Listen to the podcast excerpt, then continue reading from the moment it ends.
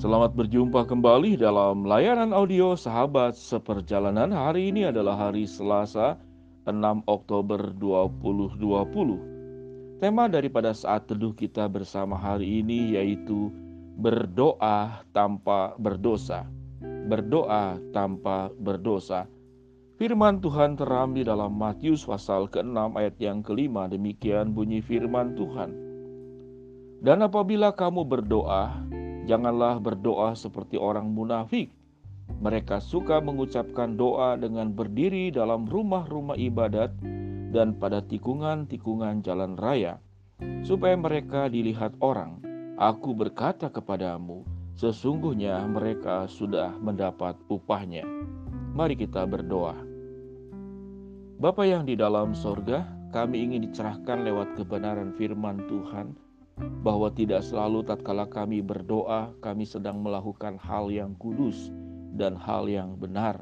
Seringkali terkadang tanpa disengaja ataupun karena memang kami terbawa oleh sifat dosa kami, justru di dalam berdoalah kami sedang berbuat kejahatan dan kami sedang melakukan pelanggaran firman Tuhan. Ajar kami ya Tuhan untuk berdoa tanpa berdosa. Dalam nama Tuhan Yesus kami berdoa. Amin. Sahabat seperjalanan yang dikasih Tuhan, sewaktu kita mendengar kata berdoa, maka biasanya serempak kita mengatakan itu tindakan yang indah, tindakan yang bagus, tindakan yang spiritual, tindakan yang rohani, dan sebuah hubungan yang dekat dengan Tuhan. Ternyata tidak demikian. Bagian firman Tuhan yang kita baca dalam Matius pasal ke-6 ayat yang kelima. Di sini dikatakan ada orang munafik yang tatkala berdoa dia sedang berbuat dosa. Mengapa? Karena waktu dia sedang berdoa fokusnya bukan hubungan dengan Tuhan. Namun fokusnya adalah untuk diri sendiri. Supaya dia dipuji dalam kehausan untuk menerima pujian sebagai orang yang rohani. Sehingga dicarilah tempat dia mengucapkan doanya dikatakan berdiri dalam rumah-rumah ibadat dan pada tikungan-tikungan jalan raya. Apakah salah berdoa di tikungan jalan raya? Tidak. Apakah salah berdoa di berdoa di dalam rumah-rumah ibadat? Tidak. Namun di sini berbicara tentang motivasi. Tatkala dia berdoa berdiri di rumah ibadat di tikungan jalan itu nampak terlihat oleh orang lain. Jadi tatkala seseorang berjuang untuk kelihatan seperti orang rohani, namun kehidupannya tidak seperti demikian, maka dia sedang berbuat dosa tatkala dia sedang berdoa. Firman Tuhan banyak sekali mengajarkan kepada kita bahwa kalau engkau punya hubungan yang tidak baik dengan sesamamu, engkau ingin mempersembahkan sesuatu di dalam doamu, dalam persembahanmu kepada Tuhan, maka tinggalkanlah persembahanmu itu dan berdamailah dengan saudaramu. Selesaikanlah urusan-urusanmu, selesaikanlah hutang-hutangmu, selesaikanlah kata-katamu yang menyakitkan sewaktu engkau berucap. Selesaikanlah sikap tidak bijaksanamu yang membuat orang lain tersandung. Selesaikanlah sikap ketidakdewasaanmu yang membuat orang lain terluka oleh sikap-sikap dirimu. Sehingga berdoa itu tidak berdiri sendiri. Berdoa tidak hanya berbicara tentang mengucapkan sesuatu kepada Tuhan. Berdoa itu ada sebuah perjalanan panjang sebelum kau datang menghadap berdoa kepada Tuhan.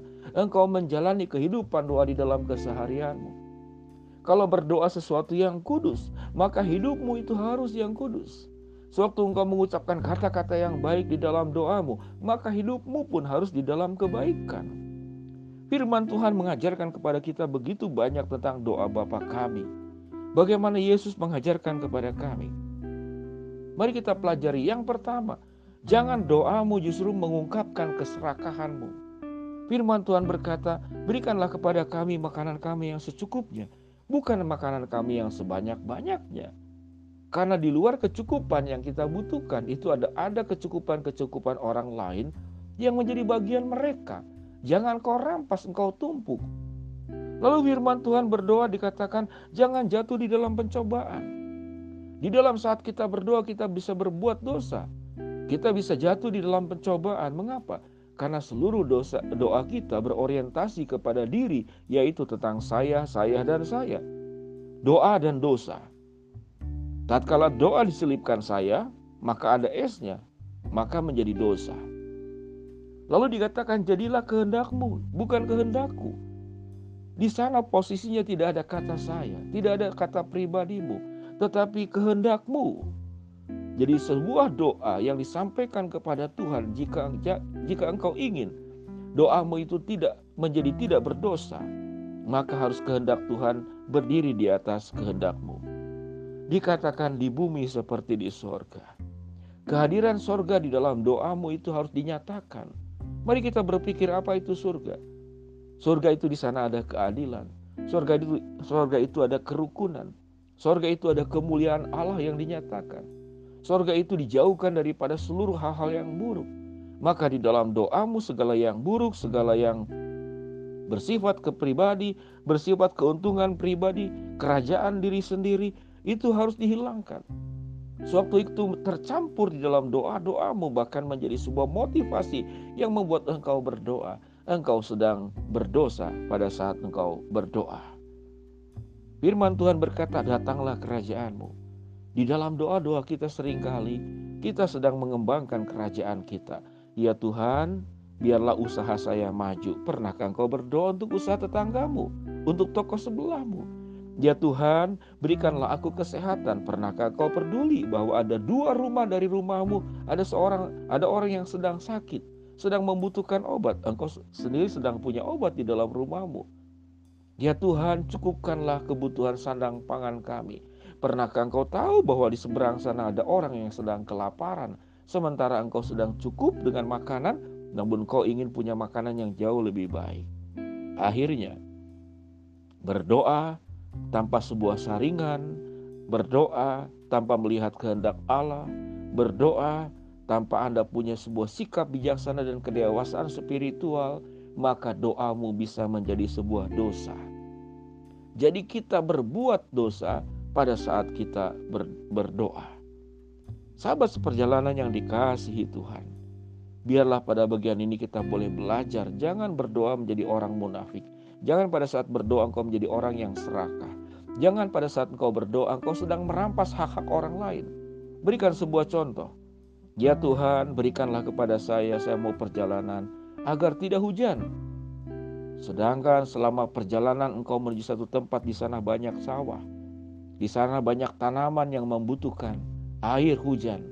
Lalu engkau berdoa agar tidak turun hujan. Kalau benar itu Tuhan jawab doamu. Artinya ada banyak orang yang sedang membutuhkan air hujan, engkau rampas untuk dirimu sendiri. Berdoa tidak boleh hanya untuk kelancaran dirimu, untuk kebaikanmu, untuk berkatmu, untuk kenyamananmu, untuk keamananmu. Tapi berdoa juga harus memikirkan seluruh aspek yang ada di dalam kehidupan sekitar kita.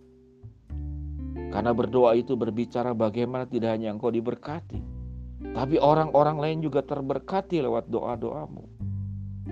Ada orang yang berdoa, ayo di, lagi makan nasi, ayo makannya dihabiskan, nanti nasi nangis. Makan itu dihabiskan. Tidak selalu makan itu harus dihabiskan. Kalau engkau sudah cukup berhentilah makan. Ada orang lain yang sedang membutuhkan makanan, itu yang harus dibagi kepada orang lain. Sahabat seperjalanan yang dikasihi Tuhan, biarlah lewat renungan sahabat seperjalanan kali ini, jangan engkau pada saat engkau berdoa engkau sedang berbuat dosa. Berdoalah tanpa berdosa dengan belajar daripada doa Bapa kami yang kita hafal. Mari kita berdoa. Bapa yang di dalam surga hambamu berdoa bagi kami yang sedang sakit di rumah atau sedang di rumah sakit. Ya Tuhan, Tuhan lawat, Tuhan jamah dan Tuhan sembuhkan.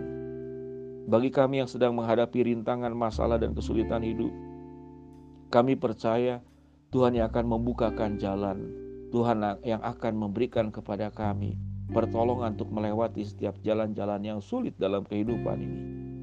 Bagi kami yang sedang berdoa mengharapkan sesuatu, Tuhan akan kabulkan sesuai dengan waktu, rencana, dan sesuai dengan kehendakmu, seperti dalam doa Bapa kami. Secara khusus ya Tuhan hambamu berdoa untuk salah seorang sahabat seperjalanan yang mengalami teror dan merasa ketakutan karena ada orang jahat yang terus mengancam kepada dirinya. Hambamu tidak akan menjelaskan bentuk ancamannya seperti apa. Namun sahabat seperjalanan ini mengalami ketakutan yang luar biasa. Berikan ketenangan, kedamaian, dan keyakinan bahwa Tuhan yang memelihara menolong dan melindungi. Dalam nama Tuhan Yesus kami berdoa. Amin. Shalom sahabat seperjalanan, jika sahabat seperjalanan mendapatkan berkat lewat renungan sahabat seperjalanan ini, silakan Anda share, Anda berbagi, Anda pun bisa melihat dari YouTube Radio Maestro yang terdapat di YouTube channel YouTube-nya dan Tuhan memberkati kita semua. Shalom. Amin.